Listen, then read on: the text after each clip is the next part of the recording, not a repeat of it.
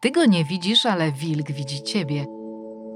Ty go nie słyszysz, ale ryś wie, że tam jesteś. Jesteśmy częścią fascynującego świata przyrody. Otwórz oczy i uszy na naturę. Naturalnie z WWF. Katarzyna Karpa-Świderek, zapraszam.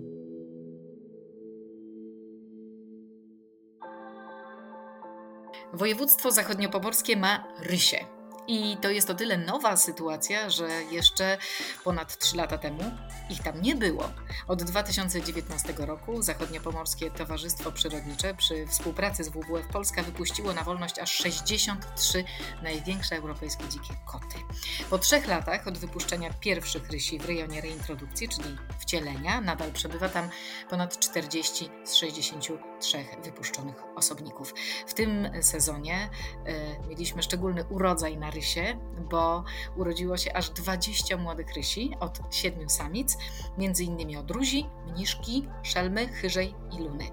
Nie muszę Państwu mówić, że każdy urodzony na wolności ryś to dla nas y, ogromna radość i jest to ogromny sukces. My w Naturalnie z WWF opowiadamy Państwu zresztą o rysiach nie po raz pierwszy i nie po raz ostatni prawdopodobnie, a tym razem wracamy do tematu z dwóch powodów. Po pierwsze, ciesząc się z narodzin nowych rysi, ale też odpowiadając na wątpliwości czeskich naukowców, którzy na program reintrodukcji w północno-zachodniej Polsce spojrzeli krytycznym okiem. A Państwa i moim dzisiejszym gościem jest profesor Krzysztof Schmidt z Instytutu Biologii z Ssaków Polskiej Akademii Nauk. Dzień dobry. Dzień dobry Państwu. Pan profesor e, zajmuje się e, dużymi drapieżnikami.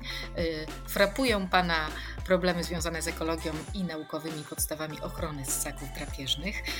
Ja dopowiem Państwu też, że badania Pana profesora dotyczyły organizacji przestrzennej biologii populacji rysia euroazjatyckiego i jego wpływu na ssaki czyli sarnę jelenia w Puszczy Białowieskiej. Panie profesorze, jest Pan też związany w jakiś sposób naukowy swoją ekspertyzą z e, tym programem reintrodukcji rysia w, zachodnie, w północno-zachodniej Polsce. Tak, częściowo tak, oczywiście. E, w ogóle e, projekt powstał właściwie dzięki współpracy Zachodnio-Pomorskiego Towarzystwa Przyrodniczego z Instytutem Biologii Ssaków. Pierwszych właściwie dniach, kiedy pojawił się taki pomysł, żeby rysie zostały wpuszczone tam na zachodzie Polski. Oczywiście członkowie tego towarzystwa udali się do Instytutu z pytaniami, e, z prośbą o konsultacje.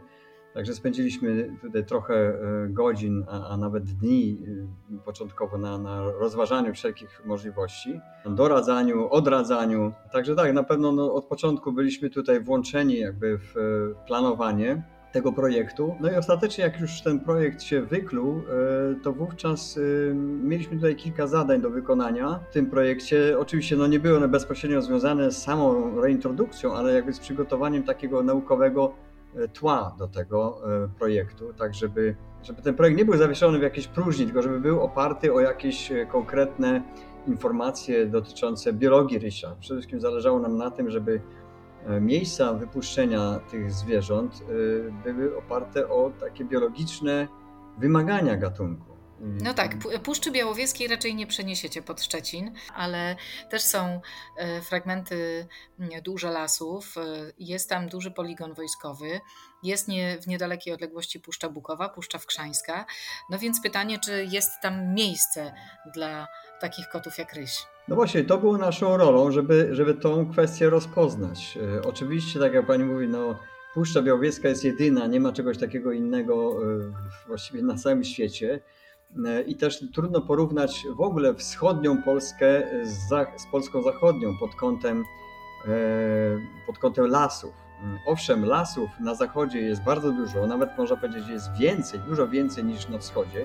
Niemniej jednak te wschodnie lasy, przy wschodniej polskiej granicy, mają jednak e, nawet nie tylko Puszcza Białowieska, ale również inne e, lasy, takie jak Puszcza Knyczyńska chociażby, czy Puszcza Piska, są bardziej, bardziej takie puszczańskie faktycznie. Można im rzeczywiście tym wszystkim obszarom leśnym nazwa, na, nadać taką nazwę puszcza. Natomiast te wszystkie puszcze na zachodzie Polski, one e, nie, nie wszystkie jednak zasługują na takie miano, bo jednak puszcza kojarzy się z takim naprawdę przepastnym lasem, takim troszkę zagubionym, e, zaniedbanym przede wszystkim. E, więc e, takich lasów rzeczywiście jest tam Zaniedbanym mało. w pozytywnym sensie, że jak się przewróci jakieś drzewo, to je tam zostawiam po to, żeby dokładnie, dokładnie, tworzyło e, tą różnorodność biologiczną. Zresztą połowa różnorodności biologicznej Puszczy Białowieskiej związane właśnie z martwym drewnem, ale to już inny trend. A zatem tak. to są inne miejsca, ale zanim ten ryś został wypuszczony tamty, na tamtych terenach, musieliście wiedzieć, że on będzie miał co tam jeść. Jak patrzyłam kiedyś na rozkład zwierząt kopytnych, to właśnie województwo zachodniopomorskie było pod tym względem e, najbogatsze. Największe chmary jeleni, największe chmary saryn, które są główną bazą pokarmową dla rysi, więc pod tym względem wydaje się, że rysie dadzą sobie radę.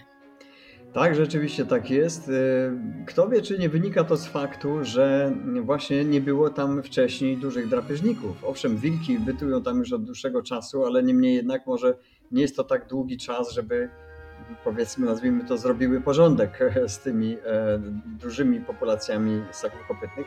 Także rzeczywiście e, ssaków kopytnych, które stanowią potencjalny pokarm e, rysia, jest tam dużo, mm, ale oprócz samego pokarmu, samych liczb tych zwierząt, to liczy się również właśnie środowisko, bo nawet jeśli jest dużo zwierząt kopytnych, to ryś oprócz tego potrzebuje tego środowiska, żeby mógł te zwierzęta jakoś tam zdobywać.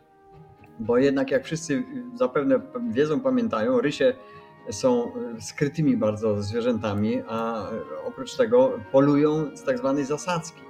Czyli no, nie mogą biegać za tymi e, swoimi ofiarami nie wiadomo jak daleko. One muszą do nich bardzo blisko się podkradać, żeby móc w ogóle je upolować. Dlatego jednak to środowisko, e, w którym żyją zarówno rysie, jak i ich potencjalne ofiary, odgrywa bardzo ważną rolę.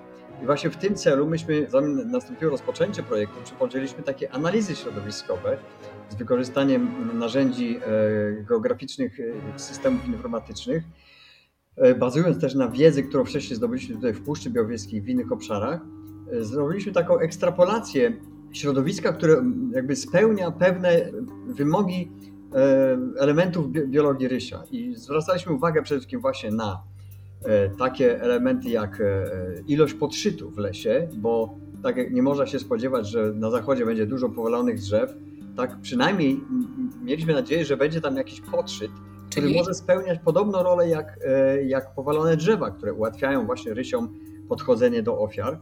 No podszyt, czyli? Proszę? Podszyt, czyli? Podszyt to czyli młode, młode drzewa, krzewy, które przesłaniają widok i które właśnie e, są potrzebne rysiom, żeby mogły niepostrzeżenie podejść do, do swoich ofiar.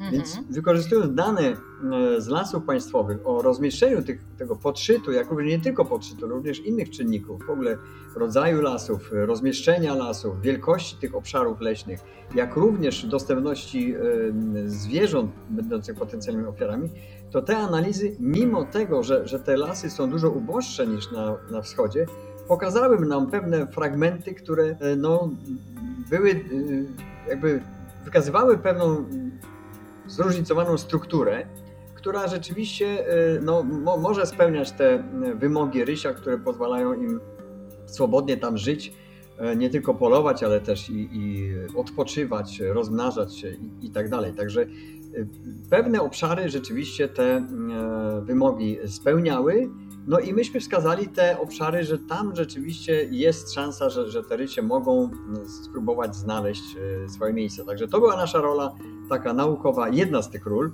żeby opracować taki plan, e, plan wstępny, no bo oczywiście życie jest życiem, e, może wszystko pokazać, że, że rysie mogą chcieć inaczej niż nam się wydaje. Niemniej jednak ten plan był po to, żeby móc rozpocząć w ogóle ten projekt. Oczywiście y, a propos podszytu, y, to zaraz o tej drugiej roli, a propos podszytu jeszcze przypominam sobie, jak oglądaliśmy dzięki telemetrii, która jest y, które, którą mają rysie też te, które były wcześniej reintrodukowane z kolei na w północno-wschodniej Polsce, odkryliśmy, że rysie bardzo lubią młodniki. To są takie miejsca, z których mogą łatwo e, zrobić wypad na, na, swoje, na, na swoją ofiarę. E, panie profesorze, to jeszcze zostając na chwilę przy tym terytorium, to już wiemy, czego potrzebują rysie. Wiemy, że takie terytorium, które spełnia ich wymagania, też jest w północno-zachodniej Polsce. To jeszcze wiemy, że jest tam dużo dużo ssaków kopytnych, czyli ryś, jeżeli będzie polował, to rzeczywiście jest w stanie się utrzymać i widać to zresztą po tej, po tej liczbie rysi, które nadal e, tam po wypuszczeniu przebywają i ilości e, młodych, które się pojawiły. To jeszcze chciałam się o jednego, jeden gatunek, który jest elementem tego ekosystemu bardzo ważnym zapytać, czyli o człowieka, jak człowiek. Czy to nastawienie człowieka też jest ważne wtedy, kiedy podejmujecie, czy jakby wydajecie, wydajecie swoją opinię o reintrodukcji danego gatunku e, na dany teren? Czy bierzecie to jakoś pod uwagę, sprawdzacie, wiecie coś na ten temat? E, my bezpośrednio nie, nie uczestniczyliśmy e, w, w, kontaktach z miejscową społecznością, niemniej jednak w projekcie był ten element zawarty, aby ustalać bieżące działania właśnie z lokalnymi społecznościami, przede wszystkim z nadleśnictwami, na których to terenie reintrodukcja się odbywała. Poza tym E, projekt ten e, realizowany też jest we współpracy z Ośrodkiem Kultury w Mirosławcu, który też jest w pewnym sensie e, takim pośrednikiem między właśnie no, tą ekipą, która jest zainteresowana wprowadzeniem rysia na tym terenie, a miejscową społecznością. Także ten, ten element był brany pod uwagę. I generalnie były też takie analizy prowadzone też i w Polsce i na Litwie, z których wynika, że właściwie Polska jest taka, można powiedzieć, takim wyjątkowym krajem, gdzie ryś nie jest patrywany jako, jako taki e, szkodnik czy, czy jakieś zwierzę niechciane. Wręcz przeciwnie, ryś raczej mm, kojarzy się z takim zwierzęciem raczej sympatycznym i, i rzadko kiedy e, dochodzi do, do jakichś sytuacji, kiedy ktoś, ktoś w jakiś sposób e, E, przejawia jakieś złe zamiary w stosunku do tego gatunku. Oczywiście nie chcę powiedzieć, że tego nie widzimy, że jednak bywają czasami sytuacje. Tak, bo takie... wiemy, że też niektóre rysie są kulsowane, tak? tak są po tak, prostu tak, nielegalnie zabijane. Mhm. jest. Były rysie nawet zabijane z broni palnej. Niemniej jednak ten problem nie, nie jest tak wyraźnie zaznaczony jak w innych krajach, chociażby ja... w Czechach. Mhm. No właśnie, to jest ważne, no bo jeżeli gdzieś człowiek nie, nie zaakceptuje tego, że dany gatunek jest lub dany gatunek wraca, no to tak jak wcześniej go z tego środowiska usunął, e, no to teraz może zrobić to samo, prawda? Bardzo szybko niwecząc starania naukowców czy organizacji pozarządowych, więc dlatego o to też pytam. No dokładnie tak, także no myślę, że, że ten element tutaj przynajmniej na terenie naszego kraju mamy jakby po swojej stronie mamy tą akceptację, e, bo tak jak mówię, no, to nie jest gołosłowne, tylko rzeczywiście były e, prowadzone rozmowy z, z różnymi gremiami e, i wiemy też, że ogólnie akceptacja społeczna w stosunku do Rysia jest, jest w Polsce wysoka. Tutaj no nie, ma, nie ma problemów pod tym kątem u nas na terenie naszego kraju. Także to, ten, ten element był brany jak najbardziej pod uwagę. No, no bo wiadomo, że jest to duży drapieżnik, który no, z jednej strony no, odżywia się też dużymi zwierzętami, które też są widoczne, które też są obiektem zainteresowania myśliwych chociażby. Więc tu było pole takie do, do jakiejś zawiści, pole do, do nienawiści w stosunku do, do drapieżnika, e, co niektórzy y, może mogą się obawiać też i o swoje zdrowie, no bo, bo ponieważ jest to duże zwierzę, więc mogą co niektórzy mieć obawy, czy, czy tutaj ryś nie stanowi jakiegoś zagrożenia, ale generalnie chyba jednak ludzie to rozumieją i wiedzą, też już być może ta informacja się już to dość, dość rozpowszechnia, że, że jednak ryś nie stanowi zagrożenia dla ludzi. No ale takie obawy mogą, mogą być. Jednak no, myślę, że nie na tyle duże, że, że one nie stanowią tutaj problemu. Ale są kraje, gdzie jednak ta sympatia do rysia jest mniejsza i to problemem może być. Tak, no takim krajem jest chociażby Norwegia. E, takim krajem jest też, są Czechy. E, z różnych powodów. E, nie zawsze jest to zrozumiałe, dlaczego tak się dzieje. W Norwegii e, wiem, że to jest absolutnie wyłącznie związane z hodowlą owiec, których jest tam bardzo dużo i w dodatku one pasą się e, samopas e, przez większą część roku bez żadnej kontroli, no ale jednocześnie są też oczkiem w głowie hodowców i w związku z tym no, ludzie niechętnie patrzą na drapieżniki, które im wyjadają te owce. Natomiast w Czechach, o których wspomniałem, nie wiem dokładnie na czym to polega, że, że tam jest taka jakaś, no można powiedzieć wręcz nienawiść do tego gatunku. Z tego co wiem, to jest ona szczególnie w kręgach e, myśliwskich. Być może myśliwi czescy w dużej mierze mm, kojarzą rysia jako takiego konkurenta właśnie w stosunku do, do zwierząt kopytnych. Być może w Czechach, tego nie wiem niestety, e, populacje kopytnych nie są tak e, duże jak u nas. I może tutaj właśnie chodzi o tą ograniczoną dostępność tych, tych jeleni czy saren, które potencjalnie mogliby pozyskiwać myśliwi. Może o to chodzi, a może to chodzi też o jakieś zupełnie takie nieuświadomione lęki, obawy zupełnie niepotrzebne, bo, bo tak to też może być. No niemniej jednak tam rzeczywiście ryś w Czechach ma, ma dosyć słabą e, renomę. E, powiedział pan profesor, zaczął pan profesor mówić o drugiej części waszego zaangażowania, jakby drugiej nodze zaangażowania. Co to jest? Ta druga część to jest e, kwestia mm, sprawdzenia e, tych rysi, które mają być reintrodukowane, reintrodukowane pod kątem genetycznym. To nie jest nasza wyłączna tutaj zasługa. Ten, ten element realizujemy we współpracy z Uniwersytetem w Białymstoku, z profesorem Mirosławem Radkiewiczem. I tu właśnie w tym projekcie położona była szczególna dbałość o to, e, żeby mm, nie wpuszczać na teren Polski, szczególnie na nizinach, osobników, które e, nie pasują tutaj do, e, do tej populacji, bo generalnie tu trzeba powiedzieć, że w Polsce mamy do czynienia z dwoma jakby populacjami rysia, odrębnymi, całkowicie odrębnymi genetycznie. Jest to populacja nizinna, zwana też bałtycką, i populacja górska karpacka.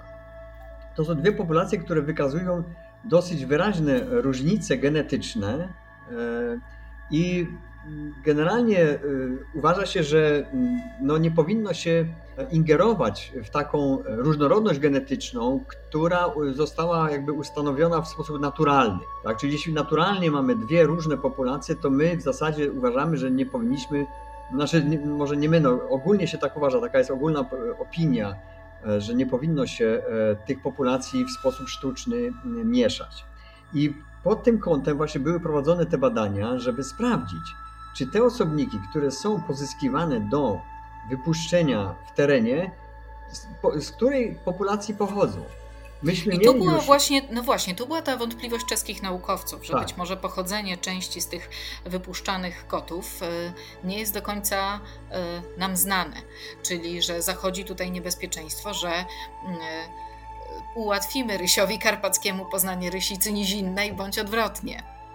Tak, tak. Właśnie to była taka jedna z obaw. Niemniej jednak, e, no my tutaj możemy się pochwalić e, dość e, długoletnim i szerokim doświadczeniem w zakresie genetyki rysia. Właśnie wspólnie z profesorem Radkiewiczem prowadzimy badania dosyć szeroko zakrojone na całą Eurazję. Staramy się poznawać właśnie ogólnie różnorodność genetyczną rysia, ale też i mechanizmy, które tą różnorodnością rządzą. Także mamy już pewną wiedzę, mamy też przede wszystkim warsztat metodyczny, jak można tą różnorodność poznawać.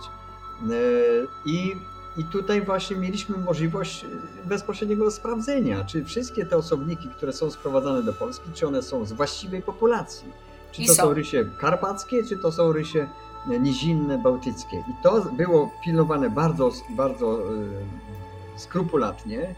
E, jeśli jakiś osobnik wypadał nam w jakimś dziwnym miejscu na wykresie E, zmienności genetycznej, e, to takiego osobnika się wykreślało e, z, z możliwości reintrodukcji. A jak, jak, się robi takie badania genetyczne? Tak w bardzo telegraficznym skrócie dla osób, które nie są genetykami oczywiście. Polega to na tym, że od rysi, które są potencjalnie wyznaczone do reintrodukcji, pobiera się włosy. Te włosy poddaje się w laboratorium E, bardzo skomplikowanym e, badaniom molekularnym przy pomocy specjalnych odczynników. E, ekstrahowany jest z tych włosów DNA, czyli no, nośnik informacji genetycznej i ustala się na tej podstawie właśnie różnice między tymi poszczególnymi próbkami pozyskiwanymi z różnych osobników i porównuje się je również z populacjami referencyjnymi, czyli porównujemy, czy dany osobnik pasuje do tej populacji, czy innej, czy w ogóle jeszcze gdzieś jest on z jakiejś, z jakiejś dalszej populacji, prawda? A dlaczego nie wystarczyłoby na przykład spojrzeć w taką książkę rodowodową Rysia, tak w cudzysłowie e, mówiąc, i jeżeli matka była z tej populacji i ojciec z tej, i może babka i y, dziadek, y, to po prostu machnąć ręką na badania genetyczne? Y Szczerze powiem, że, e, znaczy, te księgi rodowodowe, one są nie do końca wiarygodne. E, genetyka e, to jest dowód absolutny. Jeśli mamy materię od danego gatunku, od danego osobnika, to genetycznie jesteśmy w stanie w 100% udowodnić, że to jest właśnie ten osobnik właśnie z tej populacji. Natomiast mm, księga rodowodowa to jest zapis robiony przez człowieka. E, wiemy już e, z, jakby z doświadczenia, że faktycznie jest tam wiele błędów, I, I, skoro, jeśli już się natrafi kilka, na kilka błędów, to już wtedy mamy pewne podejrzenia, że nie zawsze możemy ufać takiej księdze. Włącza się czujność. Tak, włącza się czujność, więc wtedy jeśli mamy już badania genetyczne, to już nie mamy żadnych wątpliwości, że, że, że mamy do czynienia z takimi osobnikami, jakie chcemy. E, panie profesorze, ale mam takie e, pytanie, które pewnie większość teraz naszych słuchaczy ma. Przecież te rysie się przemieszczają, żyją sobie na wolności, więc siłą rzeczy one też mogą się ze sobą, y, że tak powiem, połączyć, mimo tego, że są z różnych populacji, czyli ostatecznie gdzieś w naturze też może do łączenia tych populacji dochodzić. Oczywiście, teoretycznie może dochodzić, ale tutaj muszę powiedzieć o dwóch rzeczach. Y, po pierwsze, populacja karpacka i bałtycka istnieją od, nie wiem, mm, od prawdopodobnie od tysięcy lat obok siebie i tutaj to mieszanie nie jest bardzo e, na wysoką skalę. E, jest jakiś czynnik, który powoduje, że te populacje jakoś nie chcą się ze sobą mieszać. Obecnie, szczególnie e, przy rozwoju cywilizacji, to to mieszanie jest jeszcze bardziej ograniczone z uwagi na rozwój infrastruktury drogowej, rozwój osiedli itd. Tak te populacje jeszcze bardziej się izolują od siebie. Dlatego można powiedzieć, że one jakoś w naturalny sposób od tylu lat żyją i, i ciągle są różne, ale mimo wszystko y, nasze badania genetyczne wykazały, że mimo to, że, że, że ta izolacja jest, to, to od czasu do czasu faktycznie dochodzi do e, takiego mieszania się. Co jakiś czas jakiś osobnik, jakiemuś osobnikowi uda się przejść z jednej populacji do drugiej, nawet na bardzo duże odległości. E, wykazaliśmy w naszych badaniach, które, tak jak wspomniałem, prowadziliśmy w całej Eurazji, że istnieją domieszki między bardzo odległymi populacjami, y, między populacją azjatycką i europejską nawet. Także te migracje na daleką odległość, one następują. No i to są jakby pani, tak jak pani mówiła, są jakby też mm, elementem tej naturalnej układanki. Więc na pewno, szczególnie w przypadku rysia, jeśli dojdzie do jakiegoś e, przypadkowego pojawienia się obcego osobnika, nazwijmy to obcego, to jest ciągle ryś, prawda, w innej populacji niż w tej, której się urodził, to nie jest to jakaś tragedia. Ponieważ rzeczywiście ślady osobników z różnych populacji znajdowane są w różnych miejscach. E, ja tutaj czytam e, też u profesora Radkiewicza, że rysie europejskie krzyżują się z podgatunkiem azjatyckim w rejonie Kirowa i Uralu oraz Tuwy. Dokładnie. Mhm. Tak, ale jak rozumiem, idea jest taka, że one się mogą same krzyżować, jak już w końcu uda im się gdzieś spotkać, ale my jako ludzie nie mamy prawa e, tego przyspieszać i wpuszczać do przyrody zwierząt, które nie są z tej konkretnej populacji w danym miejscu. Oczywiście. Znaczy ta idea przyświecała e, od początku projektowi, żebyśmy starali się tak działać, żeby właśnie E, nie dopuszczać do tego e, mieszania się populacji. No, tak jak pani powiedziała, ingerencja człowieka jest zawsze ingerencją jakoś tam sztuczną. Niemniej jednak ryś jest rysiem e, i teraz po wypuszczeniu danego osobnika to możemy teoretycznie liczyć na to, że on się zachowa podobnie jak zwierzęta, które bytują w terenie, bo jeśli dana populacja żyje w jakimś tam, w jakiejś sytuacji środowiskowej, i, i otoczone jest jakąś tam, jakimś środowiskiem antropogenicznym i, i one, te zwierzęta nie, nie wykazują jakichś tendencji szczególnych do przemieszczania się między populacjami, to być może te osobniki, które my wpuszczamy, one też napotkają na te same bariery, które im uniemożliwią e, swobodne przechodzenie mm, do, do tam, gdzie powiedzmy nie powinny, prawda? Poza tym jednym z elementów e, tego projektu jest e, wpuszczanie osobników e, pochodzących z niewoli. Z no właśnie, z hodowli, ale z jakich miejsc? To są hodowle w różnych krajach europejskich, szczególnie w Niemczech, w Austrii. To są hodowle z, różnych, o, o różnym pochodzeniu. Tak? Są to hodowle prywatne, jakieś mniejsze ogrody zoologiczne, wszelkie ośrodki, w których rysie hodowane są, właściwie nie wiadomo w jakich celach. No, być może nawet z zamysłem nawet takim, do jakiego w tej chwili służą. Czasami w jakichś celach pokazowych, czasami jest to jakieś tam hobby.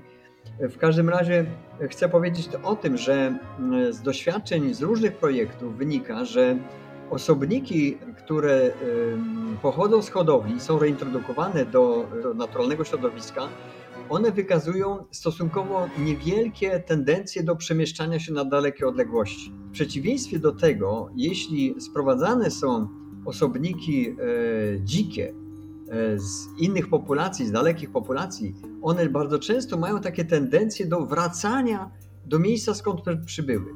I teraz właśnie, ponieważ w tym projekcie w dużej mierze, e, no praktycznie prawie wyłącznie idea oparta jest o sprowadzanie osobników z ogrodów zoologicznych czy z tych hodowli zamkniętych, to liczymy na to, że jednak te osobniki nie będą się masowo przemieszczać na duże odległości. Właśnie w tym celu właściwie ten projekt był zaplanowany, żeby jednak starać się te zwierzęta wpuszczać tam, gdzie chcemy i, i liczyć na to, że one tam się osiedlą, gdzie będzie według nas najlepsze środowisko i nie będą się przemieszczać na dalekie odległości. No Jeśli... No właśnie, bo to jest bardzo ciekawe. Tutaj zrobię tak, taki mały trend. Zwierzęta często przemieszczają się nie dlatego, że jakoś mają szczególną ochotę do podróżowania, tylko dlatego, że muszą, prawda? To jest, to jest przymus, żeby zdobyć pożywienie. Jeżeli jest im gdzieś dobrze, to one w tym miejscu zostają, prawda? I tak, tak samo możemy liczyć na to, że będzie w przypadku rysi. Ten projekt, w, który, o którym dzisiaj rozmawiamy, jest o tyle wyjątkowy, że koty wszystkie wypuszczane dostają obroże telemetryczne telemetryczne i przez około rok, półtora roku jesteśmy w stanie obserwować, gdzie one tak naprawdę chodzą, co one robią, zdobywając niesamowitą wiedzę na temat e, tego gatunku.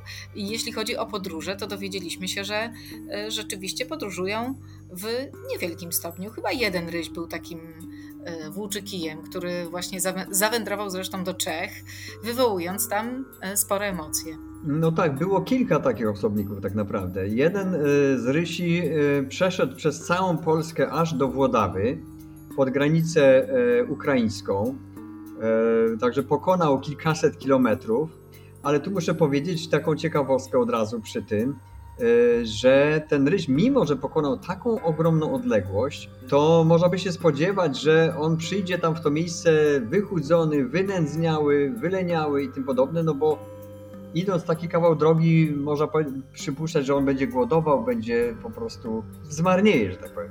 Myśmy tego rysia, mm, że tak powiem, pozyskali, ponieważ on niestety pod tą granicą ukraińską dokonał swojego żywotu, e, więc zdobyliśmy jego ciało, zrobiliśmy e, bardzo dokładne analizy i między innymi e, wynikiem tych analiz było stwierdzenie, że prawdopodobnie ten ryś padł ofiarą innego rysia. Wszystko na to wskazywało, ale jednocześnie zbadaliśmy jego żołądek, zawartość jego żołądka i w tym żołądku była sarna. I poza tym ten ryś y, był rekordzistą, jeśli chodzi o wielkość i ciężar. Nigdy to dlaczego wcześniej... dał się innemu rysiowi? Proszę? To dlaczego dał się innemu rysiowi? Nie wiem, może trudno powiedzieć. To, to, jest, to już jest między nimi. Nie, nie mam pojęcia. Może, może mimo wszystko trafił na jeszcze większego osobnika, czy jeszcze bardziej sprawnego. No ponieważ to był y, osobnik z hodowli, może był też y, bardziej pokojowo nastawiony. Trudno powiedzieć. Niemniej jednak chcę powiedzieć to, że ten, y, te wędrówki, one jakby to nie, nie są wędrówki, które powodują, że, że ten dany ryś nie radzi sobie w terenie. On doskonale sobie radzi, potrafi się wyżywić, e, ale z jakichś powodów po prostu poszukuje e, swojego miejsca do życia. Tu jeszcze trzeba powiedzieć o takiej sprawie, że my tak naprawdę niewiele wiemy o takich dalekosiężnych wędrówkach wśród dzikiej populacji rysi. Wiemy z innych różnych badań, czy na wilkach, czy na innych gatunkach kotów chociażby, że jeśli by zaobrożować dużą część populacji w danym miejscu, to te osobniki, one potrafią się czasami przemieszczać naprawdę na bardzo odległe, bardzo odległe dystanse, tylko rzadko kiedy dochodzi do tego, że mamy takie badania, mamy takie informacje. Prawdopodobnie w naturze jakiś procent tych, tej populacji przemieszcza się na duże odległości, tylko my po prostu o tym nie wiemy. W tym przypadku akurat duża część osobników była zaobrożowana i tutaj mamy odpowiedź, że jeden przeszedł tak daleko. Wiemy też, słyszeliśmy o tym, że na przykład długo, długo przed tą reintrodukcją pojawił się ryś w Puszczy Noteckiej. Tam rysi wcześniej nie było. Skąd on się pojawił? No musiał się pojawić na pewno albo z Puszczy Białowieskiej, albo z Knyszyńskiej, prawda, albo z Augustowskiej. Więc takie dalekie wędrówki się odbywają. Tylko ponieważ większość rysi nie ma obroży, no to nikt o tym nie wie. A tutaj akurat dowiedzieliśmy się, że ryś przeszedł. Także to był jeden taki przypadek, który mm, no, tutaj w Polsce skończył się e, tragicznie dla tego osobnika. Oprócz tego były też przypadki, właśnie tak jak Pani wspomniała, e, dwóch konkretnie osobników, które przeszły do Czech. Niemniej jednak porównując te, te trzy przypadki tych dalekich migracji z całą liczbą zwierząt wypuszczonych w teren, no to rzeczywiście to jest to no, nikły procent, więc pewien, pewne takie ryzyko, można powiedzieć, ryzyko, które procentuje tym, że mając do dyspozycji wiele osobników wypuszczonych w krótkim czasie e, w teren, zwiększamy prawdopodobieństwo, że ta populacja w jakiś sposób się e, utrwali. Część osobników oczywiście zginie, to jest oczywiste. Część osobników gdzieś wyemigruje, e, ale część osobników się osiedli, część osobników się rozmnoży. Także to jest, tutaj są pewne koszty, mm, które musimy ponieść, bo musimy cały czas pamiętać, że to są zwierzęta, tak? I wpuszczane są do środowiska, nad którym nie mamy pełnej kontroli. Nie wiemy, jak to środowisko funkcjonuje, jak oddziałuje na zwierzęta. Nie, wszystkiego nie wiemy, ale wiemy na pewno to, że y, w przyrodzie jest ogromna różnorodność wszędzie jest różnorodność, wśród ludzi również, prawda? Więc wśród y, osobników rysi, które są wpuszczane, też są e, zwierzęta różne bardzo. Jedne są bardziej śmiałe, inne mniej śmiałe, e, więc one mogą sobie różnie radzić. Ale tutaj też chcę zaznaczyć, że zanim te rysie są wypuszczane na wolność, one są bardzo pieczołowicie obserwowane w niewoli. E, pracownicy e, towarzystwa, które e, właśnie prowadzi tą reintrodukcję, przez kilka tygodni obserwują te zwierzęta w klatkach, ale też to nie są małe klateczki, tylko to są duże zagrody. Tak, takie, to są które... takie woliery duże. Mhm. Proszę? To są takie woliery. Jest też tak. woliera wypuszczeniowa, to jest właściwie taki mini lasek tak, ogrodzony tak. płotem. I, mhm. I, to powoduje, że te rysie trzymane w tych wolierach, one mogą się trochę próbować zachować naturalnie, czyli można badać, w jaki sposób ten ryś się zachowuje względem człowieka. Jeśli on w momencie, jeśli człowiek podchodzi gdzieś w pobliże klatki i ryś się nie chowa, a wręcz podchodzi na przykład do, do tej bariery, do, znaczy do, do krawędzi klatki, no to znaczy, że taki ryś nie nadaje się do wypuszczenia. A w momencie, jeśli ryś cały czas jest niewidoczny, mimo że wiemy, że on jest w tej zagrodzie, ale go nigdy nie widać, no to znaczy, że jednak, że, to, że te rysie zachowują pewną taką bojaźń przed człowiekiem i właśnie takie rysie są wypuszczane. Także mm, tu trzeba... Był ryś, tak, był ryś, który się nie bał ludzi i niestety na wolność nie poszedł. Y, czy to, że rysie są z hodowli, to jest dla nich plus? Y, czy to jest minus, bo są dwie opinie. Jedna taka, że rysie lepiej, żeby nie znały w ogóle człowieka i taki program reintrodukcji jest prowadzony w Hiszpanii. No i tam ta zagroda dla rysi to jest tak otoczona szczelnie, nie ma żadnego kontaktu z człowiekiem, nawet z samochodem. E, pożywienie też jest podawane tak, żeby te rysie kontaktu nie miały. A druga z kolei opinia, i to, tą opinię przedstawiał mi też Maciej Tracz z Zachodniopomorskiego Towarzystwa Przyrodniczego, jest taka, że właśnie dobrze, że rysie znają ludzi, że znają infrastrukturę ludzką, bo one będą też w takim środowisku żyły. Nie ma już na terenie Europy właściwie takich miejsc, gdzie rysie mogłyby nie spotkać nigdy ludzi, więc dobrze, że one sobie potrafią z tym radzić, a e, od ludzi i tak będą stronić, bo raczej ludzie im się kojarzą e, nieprzyjemnie, chociażby z tymi e, kwestiami klatek, obrożowania i generalnego stresu. Jak pan uważa, która z tych opcji jest, która z tych może inaczej, która z tych, y, które z tych twierdzeń jest prawdziwe, a może w każdym jest odrobina prawdy? E, to jest dosyć trudne pytanie, bo no ja, e, mną oczywiście targają pewne, pewne wątpliwości, tak jak zresztą chyba wiele ludzi e, w stosunku do różnych tematów. Generalnie powiem tak, że mm, na pewno lepiej, jeśli zwierzę nie ma kontaktu z człowiekiem, a szczególnie jeśli nie kojarzy człowieka z, z pokarmem. Bo to jest właściwie główna, e, główna obawa, bo jeśli zwierzę, szczególnie jeśli to jest drapieżnik, kojarzy, że w pobliżu człowieka znajduje się zawsze pokarm, to zawsze może to prowadzić do różnych sytuacji e, niepożądanych. Dlatego no, można powiedzieć, że należałoby dążyć do tego, żeby reintrodukować wyłącznie dzikie zwierzęta. E, niemniej jednak e, ale to Tutaj... wtedy już jest kwestia przesiedlania, tak? Czyli tak, brania tak, dzikich ale... zwierząt z jednego miejsca i przewożenia na drugie. No więc właśnie, także tu. No... Ale tych zwierząt zbyt wiele nie ma, no bo skąd mielibyśmy wtedy tak. zapewnić sobie y, kilkadziesiąt kotów do wypuszczenia? Tak, więc właśnie, no, projekt, projekt reintrodukcji e, to jest w ogóle bardzo trudne przedsięwzięcie. E, Dotych, dotychczas e, właściwie większość, jeśli nie wszystkie projekty reintrodukcji rysia konkretnie, już nie mówię o innych zwierzętach, które prowadzone były w Europie, były oparte o zaledwie kilka osobników. W każdej populacji wypuszczono po kilka, czasem najwyżej kilkanaście osobników E, I też oczywiście starano się zwierzęta translokować, czyli przemieszczać e, dzikie zwierzęta, ale to też było różnie. Czasami z ogrodów zoologicznych, bo chociażby w górach Harz, tam też ta populacja powstała e, z popula z, ze zwierząt hodowlanych, hodowanych w ogrodach zoologicznych. Mm, ale chcę powiedzieć, że właśnie te projekty, efektem wszystkich tych projektów jest to, że wszystkie populacje e, europejskie e, reintrodukowanych rysi wykazują bardzo niską zmienność genetyczną. Ogólnie e, cały gatunek rysia jest w ogóle bardzo mało zmienny genetycznie, ale te populacje reintrodukowane okazują się taką maksymalnie niską zmiennością, co właśnie świadczy o tym, że, że ta liczba założycieli tych populacji była za niska. I tutaj są bardzo duże obawy, że te populacje, wszystkie reintrodukowane, one są w dużej mierze narażone na, na problemy związane właśnie z tą niską zmiennością genetyczną, związane z inbredem tak zwanym, czyli skrzyżowaniem się osobników blisko spokrewnionych, co nie jest nigdy dobre w przyrodzie, bo zawsze może prowadzić do jakichś e, problemów zdrowotnych tych zwierząt. Dlatego reintrodukcja jest bardzo złożonym problemem i tutaj trzeba przewidzieć różne elementy, różne jakby za i przeciw. I tutaj mm, pozytywną stroną e, wpuszczania zwierząt e, z ogrodów zoologicznych czy, czy w ogóle z jakichś innych hodowli jest to, że tych zwierząt można zgromadzić dużo w jednym czasie i je wszystkie w tym samym czasie wypuścić. Wówczas powodujemy to, że wpuszczamy do, do, mm, do natury dużą liczbę zwierząt o dużej różnorodności genetycznej, bo proszę pamiętać, że my tą różnorodność genetyczną, genetyczną monitorujemy.